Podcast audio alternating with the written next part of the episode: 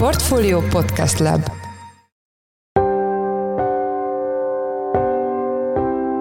Mindenkit üdvözlünk, sziasztok! Ez a Checklist a Portfolio podcastje február 13-án, kedden. A műsor első részében arról lesz szó, hogy milyen szabálymódosításokról döntött a kormány a babakötvényel kapcsolatban, és milyen okok állhatnak ezen változások mögött. Szó lesz arról is, hogy miként lehet egy 30-as éveiben járó magyarnak is baba kötvénye legálisan. Ez csak is azokra vonatkozik, akik a 2032-ben járó baba kötvényt tudják megvásárolni, vagyis most jelenleg azok, akik már elmúltak 10 évesek, de még nem töltötték be a 18-at. Tehát nyilván azért ez nem egy olyan nagyon nagy intervallum így, hogy azt mondjuk, hogy most emiatt kellett ezt a határt meghúzni. A témáról Árgyalán Ágnest a portfólió pénzügyi elemzőjét kérdezzük. A műsor második részében arról beszélgetünk, hogy 910 milliárd forint értékben nyílnak meg pályázatok a következő hónapokban, és többek között elérhetővé válik egy 0%-os hitel, amelyet vállalkozásfejlesztésre lehet fordítani. Ezzel kapcsolatban vendégünk lesz Weinhard Attila, a portfólió makroelemzője. Én Szász Péter vagyok, a Portfolio Podcast Lab szerkesztője, ez pedig a checklist február 13-án.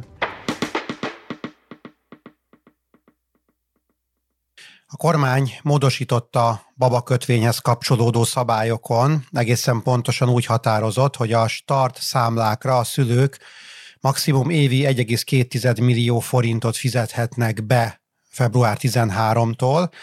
A kormány célja ezzel elvileg az, hogy a visszaéléseknek elejét vegye, de nem pontosan érthető, hogy kikre gondol, amikor visszaélésekről vagy visszaélőkről beszél.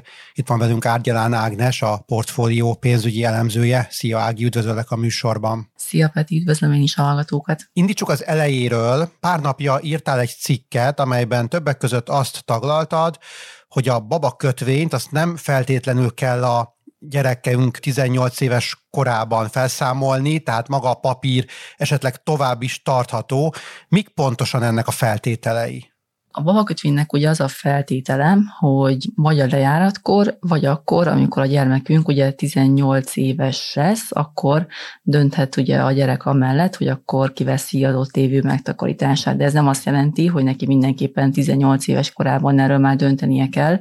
Legalábbis van olyan sorozat jelenleg a piacon, aminél ugye ez a 18 éves kitolható, mégpedig ugye azoknál a gyerekeknél lehet erről beszélni, akik most olyan 10 és 18 év közötti gyerekek.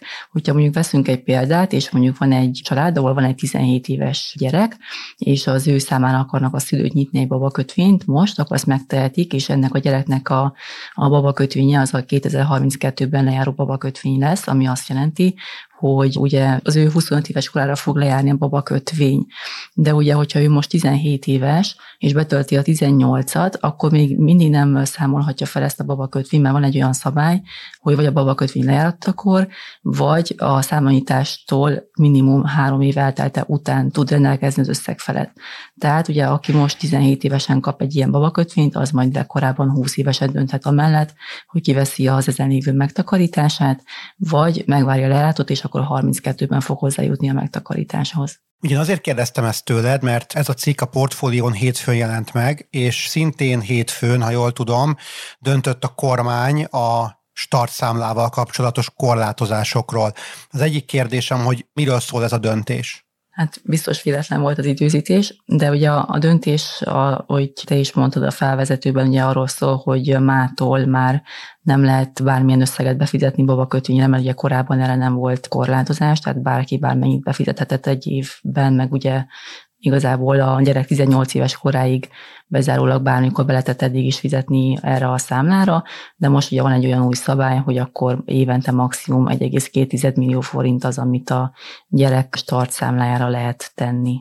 A kormány úgy kommunikált, hogy a visszaéléseknek próbálja elejét venni. A te értékelésed szerint történik bármiféle visszaélés akkor, amikor valaki kihasználja a baba kötvény adta lehetőségeket? Hát én megmondom őszintén nem nagyon értem a kormánynak azt a magyarázatát, hogy visszaélésekkel akarnak itt most leszámolni, mert ugye itt nem nagyon tudunk visszaélésekről beszélni, hiszen ugye alapesetben is ugye mikor tud valaki babakötvényt nyitni a gyerek számára, vagy a hozzátartozó gyermeke számára, hogyha ugye gyerek születik, és akkor ugye van lehet nyitni ugye a gyerekszületéssel párhuzamosan egy számlát, és akkor arra lehet ugye babakötvényt vásárolni. És ugyanígy, amikor ugye lejár a babakötvény, akkor is ugye a gyermek nevére szól, és a gyermek rendelkezik felette. Tehát nem beszélhetünk arról, hogy a szülők esetleg itt takarítanak majd meg a saját számlájukra, és akkor ők veszik fel a pénzt, hiszen ez végül is a gyereknek szól, és a gyerek fogja majd felhasználni a legvégén. Nem lehetséges, hogy az áll mögött, hogy ők tényleg azt szeretnék, hogy ezt 18 éves korában fel kelljen vennie ezt az összeget a gyereknek, és ne tarthassa mondjuk 30 éves koráig, vagy ha nem, akkor esetleg lehet-e köze ennek ahhoz, hogy jelenleg nagyon magas a babakötvény kamata. Egyébként erről is beszéljük egy kicsit, hogy milyen magas most éppen. Hát ugye az, hogy most valaki 20 meg 30-as éveiben még van babakötvény, azért az valljuk be, hogy ritka esetek. Tehát ugye ez csak is azokra vonatkozik, akik a 2032-ben lejáró babakötvényt tudják megvásárolni, vagyis most jelenleg azok, akik már elmúltak 10 évesek, de még nem töltötték be a 18-at. Tehát nyilván azért ez nem egy olyan nagyon nagy intervallum így, hogy azt mondjuk, hogy most emiatt kellett ezt a határt meghúzni. Nyilván egyébként az már szerepet játszhat itt a, az indokok mögött, hogy valóban egy igen magas magas kamattal forog jelenleg a babakötvény. Ugye infláció plusz 3% prémiumot fizet, és ugye tavaly 17,6 volt az infláció, az az idéntől már ugye 20,6 ketyek a babakötvény, tehát nyilván sokak számára felnyitotta ez a magas kamat a szemét arra, hogy, hogy van egy ilyen lehetőség, és akkor mindent takarítsuk meg a gyermek számára egy ilyen magas kamat mellett. Tehát nyilván ez is okozhatta azt, hogy most az utóbbi egy-másfél hónapban azért volt egy elég jelentős megugrás a babakötvény állományában is, de tegyük hozzá, hogy ez az állomány, ami most jelenleg 310 milliárd forint, még mindig eltörpül amellett, ami például a prémium állampapírban van, hiszen ott már közel 7000 milliárdról beszélünk. Ez a megugrás, amit említettél, ez mit jelent számszerűsítve? Ugye december végén volt egy 280 milliárdos állomány a babakötvényben, és ez most Marga Mihály miniszter úrnak az elmondás alapján 310 milliárd forinton áll, tehát akkor azt lehet mondani, hogy az elmúlt egy másfél hónapban 30 milliárd forinttal ugrott meg az állomány. Köszönjük szépen! Az elmúlt percekben Árgyalán Ágnessel a portfólió pénzügyi elemzőjével beszélgettünk az új babakötvényel összefüggő szabályokról. Köszönjük, hogy a rendelkezésünkre álltál. Én is köszönöm, sziasztok!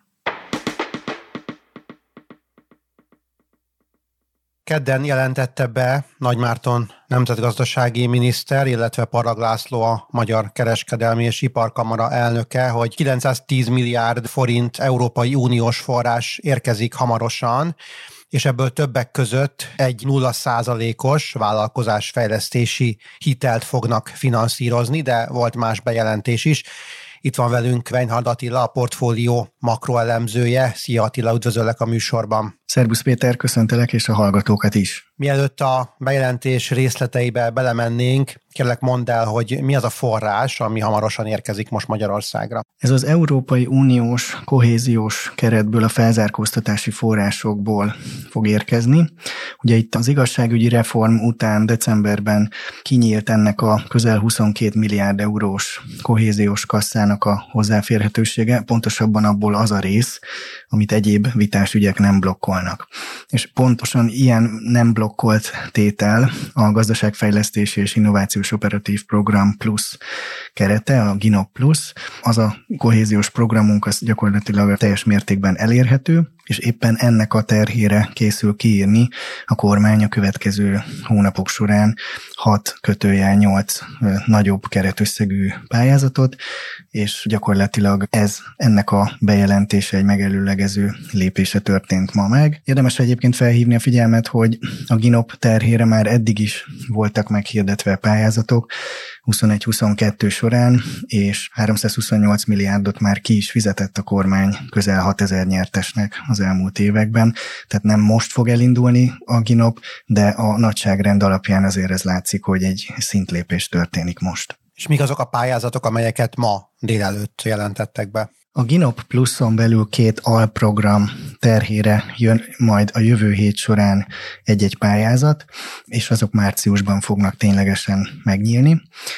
Az egyik a vállalkozásfejlesztési beruházás támogatási alprogram keretére jön, ennek 130 milliárd forintos lehet a keretösszege majd, és a másik ág az a munkaerőpiaci aktivitás növelő alprogramnak a terhére érkezik, annak a kerete az nagyjából 130 kötőjel 150 milliárd forint, itt a miniszter nem mondott még pontos végső összeget, feltetően most az utolsó simításokat végzik a kamarával való együttműködés keretében. Tehát összességében a Ginopon belül két alprogramban érkezik majd ez a 910 milliárd forintnyi pályázati pénz a következő hónapok során, és ebből most egy-egy alprogram terhére 260-280 milliárd forintos kerettel jön majd a jövő héttől egy-egy pályázat. És hol kapcsolódnak ehhez a 0%-os hitelek? Igen, ez egy lényeges kérdés, és meglátásom szerint ez volt most az igazán nagy jelentőségű bejelentés a keddi eseményen, hiszen, ahogy Nagy Márton említette, ugye a vállalkozásfejlesztési alprogram keretében ez a 450 milliárd forintos pályázati csomag, ennek a döntő része az hitelt fog jelenteni, tehát visszatérítendő forrást, és ennek kapcsán született egy döntés, hogy ezt 0%-os hitelként kell nyújtani a vállalkozások számára, hogy a különböző beruházásaikat, versenyképesség megőrzését segítő, vagy digitalizációs, vagy energiahatékonysági beruházásokat meg tudják csinálni. Ez egy nagy jelentőségű ügy, hiszen azért a vállalati kamatkörnyezet még most is sokkal magasabb ennél. Itt tehát a kettő közti különbséget a magyar állam kamattámogatás formájában magára vállalja.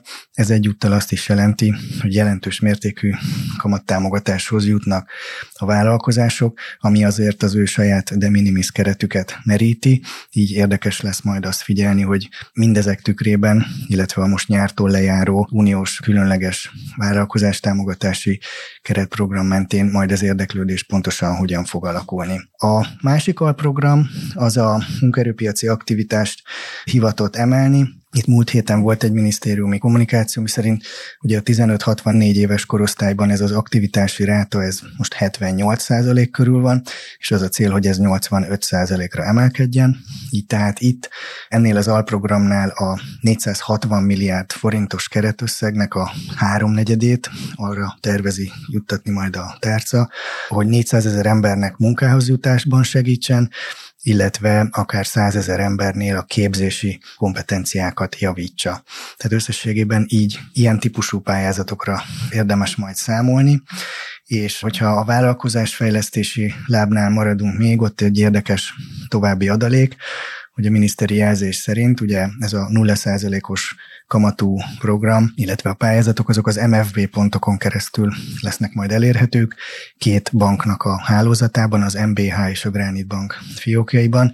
Itt ugye lezajlott menet közben egy közbeszerzés, és ez a két hitelintézet lett ennek a nyertese, tehát összességében így zajlik majd ezeknek a vállalkozásfejlesztési programoknak az elérése. Ez a több mint 900 milliárd forint, ez azért egy szemmel is jól látható összeg. Mikorra várják ezeknek a forrásoknak a kimerülését, vagy úgy is fogalmazhatunk, hogy mikorra szeretnék ezzel a gazdaságot stimulálni? Igen, a nagyságrendet érzékeltetve, hát ugye a, nominális GDP-nk egy év alatt úgy durván 84 ezer milliárd forint, most ugye ehhez képest írja ki a kormány ezt a pályázati csomagot a következő hónapok, egy-két negyed év során, ugye 910 milliárd forintos keretösszeggel, tehát azért ez egy lényeges csomagnak nevezhető, és ugye az a terv, hogy a jövő év közepéig ezt a 900 milliárd körüli keretet merítsék is ki a vállalkozások, illetve az érdeklődők a pályázati programoknak a, a potenciális nyertesei, tehát hogy minél hamarabb bekerüljön ez a forrás a gazdaságba,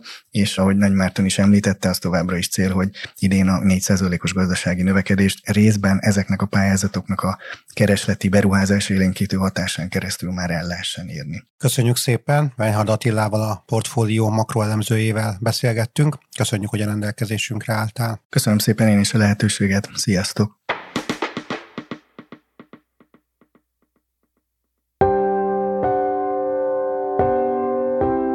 Ez volt már a checklist a Portfólió munkanapokon megjelenő podcastje. Ha tetszett a műsor, és még nem tetted volna, Iratkozz fel a Checklist podcast csatornájára valamelyik nagyobb platformon, ahol jellemzően podcastokat hallgatsz. Ha segítenél nekünk abban, hogy minél több hallgatóhoz eljussunk, akkor értékelj minket azon a platformon, ahol ezt a mai adást is meghallgattad. A műsor elkészítésében részt vett Bánhidi Bálint, a szerkesztőjén voltam Száz Péter. Új műsorral szerdán jelentkezünk, addig is minden jót, sziasztok!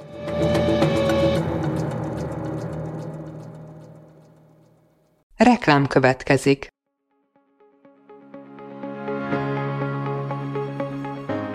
Raúl Müller Lajos vagyok, az Agrárszektor főszerkesztője. Májusban két tematikus konferenciát is rendezünk Kecskeméten az agrofood szektor szereplőinek. A május 22-én tartandó Portfolio Agrofood 2024 konferencia az élelmiszeripari vállalkozások, beszállítóik, a szolgáltató cégek és a kereskedők számára nyújt egyedi betekintést az aktuális trendekbe. A május 23-án megrendezendő Agrofuture konferencia pedig egyedülálló módon tematikus formában foglalja össze a hazai agrárgazdaság fenntarthatósági követelményeit és innovációs lehetőségeit.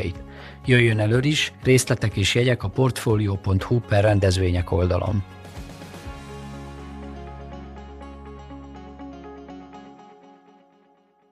Reklámot hallottak.